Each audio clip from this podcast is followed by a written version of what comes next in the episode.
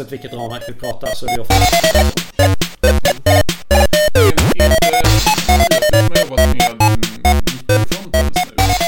Finns det inte en, en enorm potential här för att, att Alltså, vi, vi är ju nog ganska överens om att vi vill inte bygga jättestora monoliter i ett stort GUI-verktyg, för då är vi verkligen tillbaka på, på Dreamweaver-tiden. Mm. Liksom, det, det, gick... ja, det var lite det jag kände det, när du sa drag and droppa in Redux-plugin. Ja, jo, men, alltså, för, men grejen är den att, att om, om du bygger, så att säga, mindre saker, appar, små appar, eller mikrofrontends, då, då finns det ju ett case för det här. Du skulle alltså kunna ha en mikrofronten-arkitektur där, där eh, Teams kan lägga in egna mikrofrontend. Man kan skapa appar. Säg att du har, du har en webbsida och du har en meny med massa olika appar som du kan välja mellan som leder till en hemsida. Där kan ju en app vara någonting som någon har drag and droppat ihop med superenkel logik. Även om mm. Och så länge de grejerna är liksom ganska små i scopet, så att, de inte, så att det inte blir det här att det finns för, för det som ofta är problemet med, med low-code-verktyg där du faktiskt kodar saker i dem, är att koden som du har skrivit och de här triggersna, som, det som händer, ofta blir dolda bakom en massa lager av menyer. Mm. Så det är ofta det som gör det svårt. Man får ingen översikt av så här, men det händer någonting, varför då? Jo, jag måste sitta och klicka in på varenda komponent för att se var fanns den där if någonting så gör någonting annat. Mm. Eh, och, och, den är ju riskabel. Den, är jätte, mm. den möjligheten att göra det är jättepraktisk om du ska bygga små saker eller om du ska ge det här ut till en, till en kund som inte är, som inte är utvecklare. Um, men jag menar att det finns, det finns väldigt många olika use case på, på, på olika nivåer för vad vi skulle vilja eh, få till. Mm. Många av de här verktygen finns ju redan. Liksom. Det är bara, bara att man hoppas på en ny generation som inte genererar styggelser bakom kulisserna. Men förstår jag dig rätt att det du är ute efter nu att det viktiga är att det är verktyget, den approachen vi som webbutvecklare eller vi som utvecklare borde ha är inte att välja ett verktyg som är, som är liksom ersätter allting. Men kanske införa ett verktyg som i vilket fall kan rendera en bit av vår sida. Oavsett vilken teknik runt omkring det. Jag, jag, tycker, jag tror att vi som, som faktiska utvecklare eh, vi kommer nog få en, en, lägre produktionstakt om vi inför ett verktyg som ersatte allt. Åtminstone innan, det här, innan vi får någon sorts AI-magi som, som löser eh, saker på en, på en högre nivå. För det kommer bli klickande i ett, i ett GUI hela tiden. Mm. Um, mm. men, men, det kommer finnas olika, jag menar, du, kommer ha några olika tiers. Några, vi, vi skulle gärna, nog gärna vilja ha verktyg där vi på ett enklare sätt kunde editera vårt, själva GUIT. Vi kunde drag and droppa själva GUIT. Och sen, mm. och sen så editera den riktig läsbar kod som vi bara kan koda i funktionaliteten i sidan. Det skulle nog vara trevligt att arbeta i. Uh, men, men att sitta och klicka, drag and droppa själva funktionaliteten i applikationen tror jag är, kommer göra det sämre för oss. Men det kommer ju definitivt finnas use case även för den biten. Och det gör det ju redan idag. Det finns ju liksom massor med sådana verktyg. Så, så ser jag Och då är du ju framförallt inne på att det är templaten, inte logiken du vill yes. skapa med det här. Och där får jag ett litet dilemma.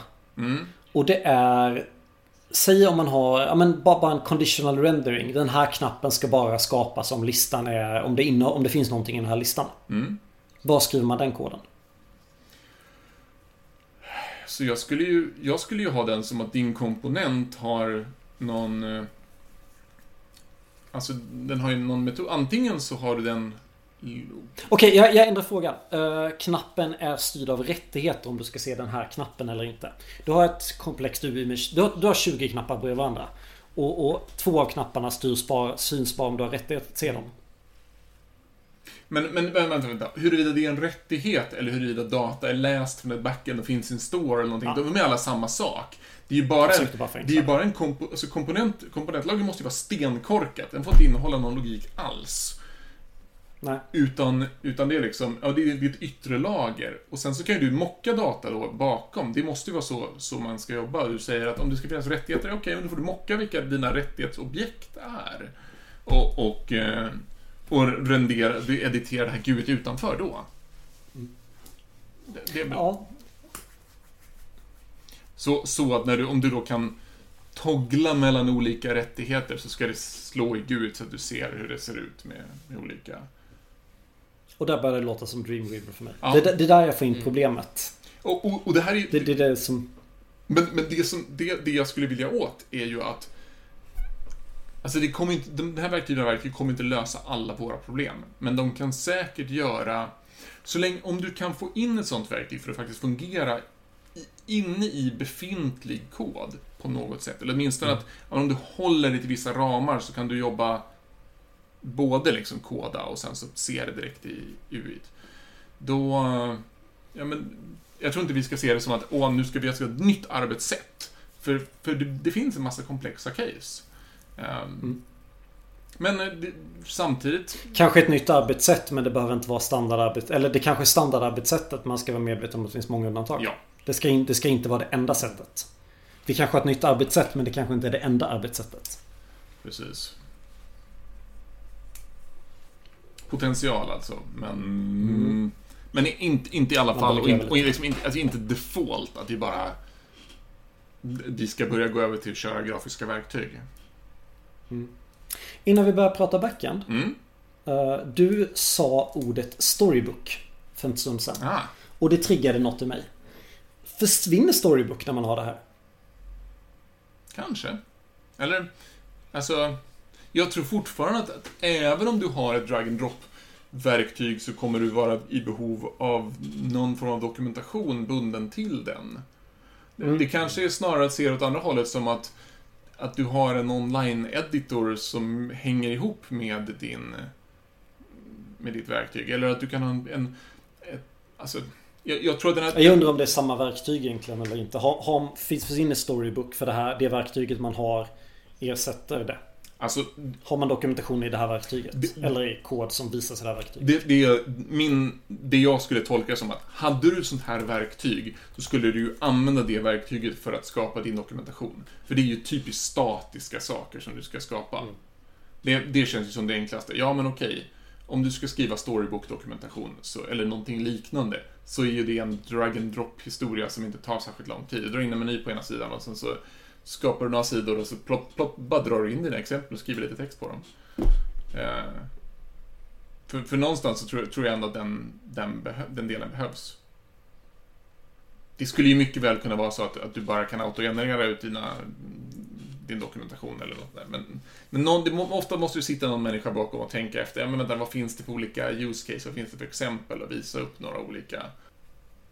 För, för det, det är väl ingen, alltså att, att ge sig, ta sig an och börja använda ett GUI-ramverk, oavsett hur bra det skulle vara, om det inte finns någon online-dokumentation så, så, så, så står man ju över det till fördel för någon, så man kan se hur det ser ut. Mm. Mm. Ja, och, och jag tänkte nog lite att eh, För mig. Ja, jag kan tänka fel eftersom att... Eller du och jag tänker olika eftersom att din approach är man, man tar in ett ramverk som redan finns och mitt är att man troligtvis kommer vilja skapa ett eget. Kunden kommer kräva att man ska skapa ett eget för det är den typen av applikationer vi gör. Mm. Jo, men jag, jag tror att det kom, du kommer nog hamna i samma situation i alla fall. Det gör man. Alltså man skulle ju då kunna tänka sig att, att uh, att det finns inbyggt i den här editorn att man kan se exempel på något sätt. Eller hur, vad man nu skulle ha för behov av det. Men men jag, jag tror nog ändå att du, man ska nog separera de två delarna. Jag tror, inte, jag tror inte det är smart att börja tänka sig att vi ska bygga komponentramverk som är specifikt byggda för ett, ett low-code, no-code, alltså ett low-code-verktyg. Utan att de borde vara generiska och ditt verktyg Mm. sen också är generiskt. Så att Mm. du gör- bygger komponentbibliotek så som du alltid har gjort med din dokumentation och allting. Om någon sen vill konsumera dem för hand eller med en editor, det borde inte spela någon roll. På samma sätt som du har en separation mellan liksom, frontend och backend och du kan ha en ett Open API, en Open API-definition emellan så vill du ju ha en liksom, komponentdefinition mellan komponentbiblioteket och konsumenten av det. Så det, det tror jag. jag. Jag tror inte man ska försöka bygga ihop dem för, för nära. Inte idag i alla fall. Mm. Innan vi går till backend. När börjar vi använda det här? När, när är det dags att börja undersöka det här på riktigt? Känner ni nu, fan jag kommer till jobbet imorgon, ska jag kolla det här? Ja, alltså efter skrummötet imorgon kanske. Är du seriös eller inte? Ja, ja, ja, absolut. Självklart seriös. Alltså, det här är, ju- det är ju inspirerande. Att bara sitta och spåna i det här och tänka, får ju mig de- definitivt... Det kom, någon kommer ju sitta och skrika mot, mot, eh, mot skärmen eller mot eh, sin telefon. Vad fan, det här finns redan. Varför har ni inte provat det? Ja, det är klart du måste ut och, och eh, kolla vad som finns, se om man kan hitta något som är bra. Ja, det handlar ju... Jag tror inte att man ska börja sitta sig ner och börja skapa ett eget sånt här verktyg. Utan använda de som finns. Och faktiskt, jag tror att man ska göra approachen Ta reda på, om man har designers, vilka verktyg använder de och vad finns det för plugins där? Att Ja. man börjar i den änden. Men det är inte säkert alla, alla team har ju inte designers. Alltså vi har en, hos mig, vi har en UX-ansvarig. eh, Men hon jobbar inte särskilt mycket med design, utan är mycket mer intresserad av, av användarflöden för att ta sig, alltså för att ta sig mellan olika delar av, av, eh, av sajten, snarare än hur det väl ska se ut på dem där. Utan det lämnas väldigt mycket upp till, till de enskilda teamen eh, på, på mycket mindre skala. Så, så där är det liksom... Där är ju, utveck, där är ju verktyget mer för att ge utvecklaren en chans att, eh, att få hjälp och göra någonting snyggt. Snarare än Mm. att, att kollaborera med, med UX och UI. Så olika use case för olika team. Ja, vill du lägga till något Andreas? Eh, ja, eller lite vi... Det beror på vart man drar gräns, gränsdragningen men på uppdraget nu så, så har vi lite sådana verktyg som vi har skapat själva. Eller det är inget verktyg i sig men det kan användas som ett verktyg. För i, i våra microfrontends så ofta ska varje microfronten se likadant ut till en grunduppsättning. Eh, man kan säga att det ska vara, ha en, liksom en header, det ska vara en stor contentyta och det kanske ska vara en sidebar till höger. Så. Eh, och då har vi byggt en, eftersom de flesta av våra, våra appar är byggda i Vue så har vi tänkt att istället för att varje team ska göra det själv, hålla på, så har vi byggt eh, liksom en template-app eh, i Vue som vi har liksom byggt ett CLI runt. Så du kan bara dra in CLI, eh, scaffold upp precis ungefär som Create React App funkar. Eh, men också liksom för att få in ja, men Vuex och de delarna som är specifika för att passa in i plattformen i vårt microfrontends. Så det blir, det blir ett Mm. litet typ av low code eh, för att ta bort det här hindret att varje team måste sätta upp det själva på nytt när de kommer behöva det varje gång. Mm, mm. Ja, jag ju- gjorde något liknande fast... För, för det är för en microfronten du pratar om. Ska skapa en ny microfronten Mm. eller? Ja. Jag gjorde något liknande fast jag gjorde ett git-repo som heter template som man bara forkar. Ja. Fördelen med det är att uppdaterar man något i templaten och de andra rebasar på forken. På det man forkat från, från templaten. Så får man automatiskt de senaste uppdateringarna. Sen var det lite jobbigt att rebasa det. Men eh, ja. Jag är med på vad du menar. Eh, jag tänker en sista sak då. Vi, vi, det blir ju lite så här. Vi, om vi försöker om vi försöker sammanfatta lite det vi sa så tror vi på att det här är på väg. För vi tror att vi samarbetar bättre med... Ja, vi har pratat mest om designers och inte så mycket om kravare just nu. Och det är väl lite för att vi ser begränsningar. Att det här är väldigt bra för templaten men inte så mycket för kontrollkod. Precis. Då är min fråga eh, När, hur deployas det här? Tänker ni er att så fort man trycker på spara eller trycker på deploy i sitt templating-verktyg så uppdateras ett separat git-repo som ja, CICD är upp det. Eller borde varje gång man sparar så triggas det en pull request på det existerande repot och man ser faktiska förändringarna. Det beror lite på hur verktyg, hur exportverktyget från design-toolet fungerar. Men Mm. Alltså jag ser framför mig en, en editor som, som editerar kodbasen som du har utcheckad på din dator. Men det kanske är... mm,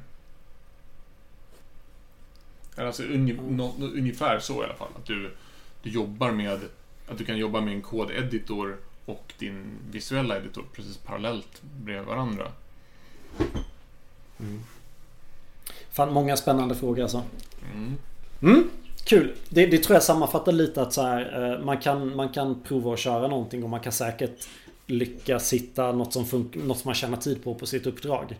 Men man ska nog inte tro att man hittar några silver bullets här utan det är alldeles Nej. för omoget för det. Det tror jag också. Verkligen. Så när man, när man hoppar på det här så ska man hitta ett litet scope för att tjäna tid eller spara, ja, tjäna tid eller tjäna samarbete. Mm. Eller kortare release-cykler. Mm. Så just nu så är man väldigt early adapter. Ja, vem ska jag säga? Andreas Ja. nickar. Mm. Fredrik googlar. Nej men jag tror det, alltså Istället för att försöka hitta en silver bullet och försöka hitta något heltäckande som löser alla en världens problem så jag tror att det verkligen kommer slå eller få fart på våra nischade problem som vi kan ha i våra projekt. Där Mm. tror jag att det kommer kunna slå jätte, jättebrett och det jag tycker att det, i vissa, vissa fall kanske är konstigt att det inte har slagit på de nischade delarna. Men det kan också vara så att man försöker fokusera på att lösa de stora delarna som gör att det inte tar fart. Mm. Det finns VIX men det finns inte Det finns VIX för att skapa hela sajten men det finns inte bra tooling än för att skapa Lösa små problem. Precis. Så det är det vi borde leta. Det är, där, det är de vi Ja, borde leta efter. Mm. Los Backendos. Ja, Nu försvann Fredriks kamera. var ska vi börja? Nej men jag vet inte. På något sätt så känns det här både lättare och svårare. Eh, på något sätt så känns det ju så. Alltså No code, low code toolen. Jag menar det jag vet om, om eh, hur GCP funkar med Firestore och hur man har rättighetsscheman och, och man kan accessa det från funktion och sådär. Det passar ju väldigt bra in. Det är ju typ no code, low code liksom. Det är ju en databas as a service nästan som du kan konfigurera utan kod utan det är konfiguration. Så det är det ju. Där har du ju det nästan redan.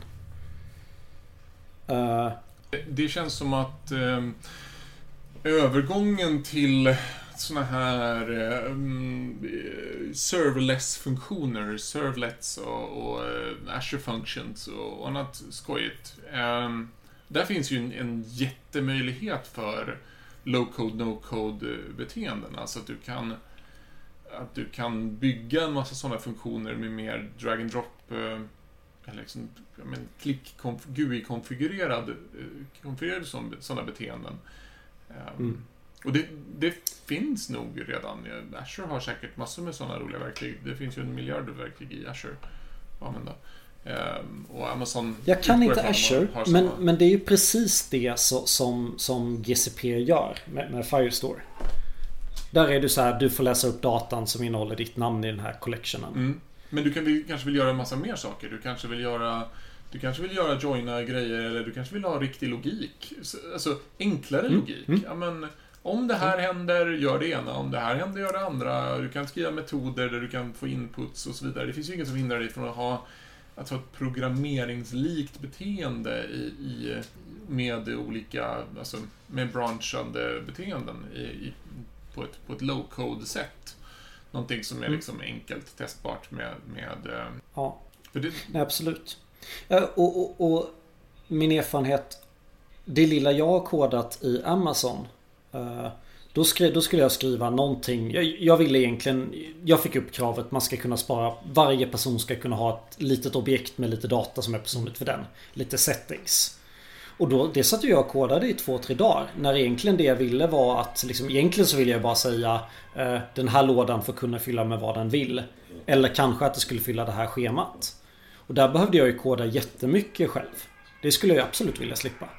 Det skulle jag ju helt och hållet vilja slippa koda. För det är ju verkligen generiskt. Alltså det känns som att det är väldigt ofta man har det enkla fallet du bara vill liksom skriva data, inte manipulera den på vägen upp eller ner utan bara krudda den liksom. Validera den. Men valideringen behöver du inte skriva i kod utan det kan du skriva i konfiguration. Mm. Om du vet din datamodell. Så jag skulle ju säga så, som, som fronten-utvecklare som fuskar backend. Jag skulle ju verkligen vilja ha ett verktyg där jag bara drag and drop, nej inte ens drag and droppar utan i typ Ja men skriver min UMD eller Använder ett verktyg för att beskriva hur datan jag vill ska vara. Och sen vill jag trycka på generera den här och tillbaka vill jag få en URL. Om jag ens behöver göra så mycket. Och där är frågan, min, min första fråga då. Tycker ni att det här ska vara ett verktyg som genererar kod? Eller tycker ni att det här ska vara ett, en tjänst? För, för skillnad då, om man gör fronten och backen. I fronten vill vi slippa där vill vi att designern direkt ska kunna skapa UI. Vi vill bara liksom, vi vill inte bry oss om den och designern ska kunna uppdatera den. Men i backend-koden är det ju framförallt kodaren som kommer vara, då är det bara kodare som är intressenter. Jag, jag tror nog att vi kommer nog se betydligt fler eh, sådana som är tjänster. Alltså, om du ska, koda, om du ska koda någonting. Alltså att ha en editor som producerar backend-kod. Det, jag tror att det tror jag business caset är väldigt svagt för. Utan mm. antingen så, så bryr du dig om koden och då kan du koda den själv. Eller så bryr du dig inte om koden och då spelar det ingen roll om, om du behöver inte veta att det finns någon kod överhuvudtaget. Men tror du inte att det blir så som vi snackade om i början där med Power BI-appar att man, då låser man in sig mot massa tjänster som man inte har någon kontroll över? Om du inte får en genererad jo. kod som du kan kolla på, kan manipulera etc. Jo, och absolut. Det är väl klart att det är en, att det är en begränsning och det är någonting som man får eh, liksom bestämma sig för. Men... Um, men, men, man lägger ju fortfarande sin konfiguration. Man, om, man, om man utgår från att det här editorn skapar något, liksom att man bara skapar sin datamodell och så säger man att man ska, det här IDet måste matcha kundens authenticated mm. ID. Det borde man ju lätt kunna exportera till alla tjänster som löser problemet. Då, är, då har du inte inlåsningseffekten utan eftersom du har, det, det jag mm. påstår är att du har inte så stor inlåsningseffekt för du har gjort så lite. Du, du har bara beskrivit din verksamhet. Du har inte anpassat din verksamhet till det toolet. Okej, okay, du menar så. Ja, jag fattar. Mer än då lite kanske. Mm. Ja. Ja, det, det är ju... Jag, jag tror nog att det här är en guldgruva för, för de stora bolagen att, att smyga in sätt att få att få anpassa andras verksamheter till deras system. Ja. Mm. Microsoft är ju till exempel glada att låna ut gratiskonsulter till sina största kunder för att, att berätta om så här jobbar ni med våra verktyg. Mm. Så, så det tror jag är någonting som, som man kommer att se från alla sådana leverantörer. Att om du köper en tjänst för liksom enkelt konfigurerad backend med funktioner eller sviter av funktioner så, så kommer du nog priset du får betala för den enkelheten är nog att du blir inlåst i, hos den eh, leverantören. Men, men alltså det, det är i mångt och mycket, även i fallet då vi har valt ganska oberoende tekniker. Säg att du cloud, gör ett cloud deployments med Kubernetes istället för att välja någon av de specifika situationerna. Eh, alltså även där så är det ju ganska hårt bunden till den leverantör som du har börjat jobba med. Du sparar data i deras cloudplattform. Mm. Och det blir alltid lite små konfigurationer och det är jättemånga applikationer. Alltså, det, hur du än gör så blir det alltid ett enormt arbete att byta leverantör av din cloudtjänst om du har byggt någonting ganska stort. Mm, jag med. Och jag tror inte att, jag tror inte att, att eh, jag tror inte att vi är så fria idag så att välja ett, ett proprietärt verktyg där vi, där vi enkelt klickar ut um, backend är mer inlå, alltså har mer inlåsning än vad vi redan använder för verktyg idag. Mm. Ha, så samma fråga här då. Uh, kommer vi börja använda det? Troligen inte. Man, man kommer skriva koden? Ja, men, men nu är ju vi, jag tror vi är fel personer att fråga i den här, fråga, i den, i den här diskussionen. Alltså, Ja. Vi är ju inte mottagarna för det. Vi kan alla koda. Och även om vi just nu är mer frontend-inriktade så, så att skriva backend-kod är någonting som vi kan. Utan konsumenten för det här är någon som kanske inte är lika bra på den delen. Precis. Jag tror mer, som vi var inne på frontend-delen mm. förut, jag tror att det som kanske attraherar oss utvecklare mer, det är att få lite mer kanske avancerad templating när vi sätter upp saker. Ja, men det, är därför jag, det är därför jag är lite inne på det att det borde kunna vara en kodgenerator. Mm. Mm. För det, det attraherar mig mer. Som jag sa i början att om jag ska sätta upp ett REST API med CRUD-operationer, ja, men då är det mycket trevligt att jag kanske får eh, en template som sätter upp det åt mig. Och sen så fyller jag på med, med logik mm. etc. Eller som jag sa att vi i fronten om jag ska sätta upp en ny app då kan jag använda en template som finns redan via ett CLI eller så. Mm. Eh, så att jag slipper göra de här mm. sakerna som bara måste finnas på plats. Sammanfattningsvis, det här är mer intressant för frontend för att där är det fler parter än bara utvecklaren som vill vara med i processen.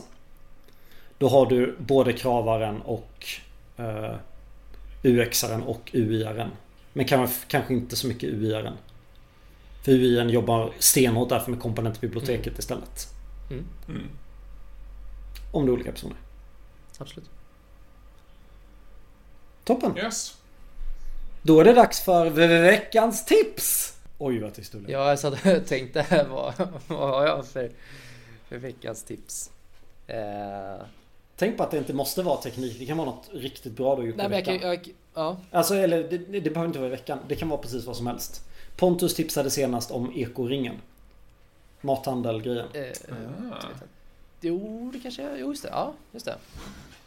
Ja. Nej, men jag, skulle, jag kan säga att, faktiskt ett tekniskt tips. Eh, det som vi gör på, på um, uppdraget just nu. Vi håller på att göra en stor molnmigrering. Och så håller vi på så att göra till Azure. Eh, men då finns det olika sätt att göra det på och sådär.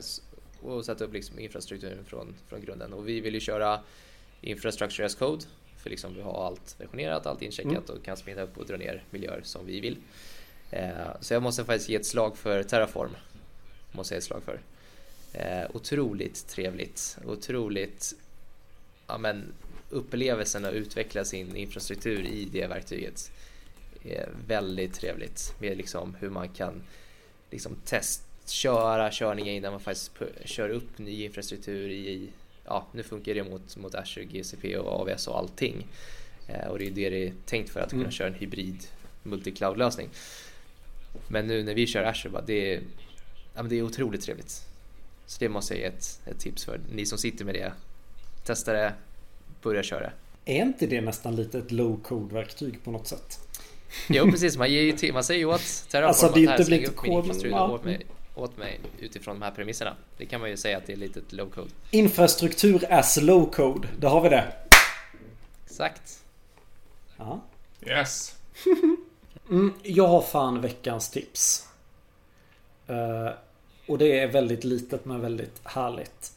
Det är Android-appen som heter så mycket som Spark. Det är den bästa mailklienten jag någonsin haft. Den är inte jättemycket smartare än vilken annan mailklient som helst. Men den bästa featuren är att den försöker vara smart på att identifiera mail som är direkt till dig och nyhetsbrev i olika kategorier. Så jag har bara push-notifieringar på mail som faktiskt är till mig. Oh. Eftersom att 90% av mina mail är nyhetsbrev. Då kan jag ta tag i dem sen. Jag slipper push Så jag har till slut bara push-notifieringar på mail jag bara vill ha push-notifieringar på. Det är ju jättebra. Den är helt okej okay på att pinna saker. Så jag pinnar mail som jag behöver agera på men inte orkar agera på nu. Eh, den har stöd för olika signaturer. Den är lite små features som bara gör den väldigt mysig. Mm. Spark heter den. Yes. Jag har ett litet tips. Um, jag skulle vilja tipsa om ett litet JavaScript-framverk som heter ZombieJS. Som inte supernytt, inte så superutvecklat, men som löste ett enormt trevligt problem för mig. Um, jag behövde köra en um, proxy-server som där jag loggar in, jag går in på en webbsida och loggar in där för att få ut liksom, cookies och, och, få ut saker. Och, och, initialt gjorde jag det med Puppeteer, men då måste man installera en Chromium på, den ska in i CSID-miljön och där är den här ZombieJS då en, som en, en förenklad, nerbantad version av en browser, fast det är helt i JavaScript. Mycket, mycket mer ner... Vad är det för browser baserat på? För det måste vara någon browser någonstans. Mm. Är det en, en PhantomJS eller något sånt där? No idea. Uh, Nej, spela. Det var väldigt enkelt i alla fall. Mm. Det är säkert någon, någon, någon liknande sån i bakgrunden. Insanely fast headless full stack testing in, no, in Node.js är det de säger att de kan. Mm. Ser trevligt ut. Topp! Uh, då får vi tacka så mycket för idag. Tack för att ni lyssnade. Yes. Mm. Ha det bra allihopa. Tja. Hejdå. Hej!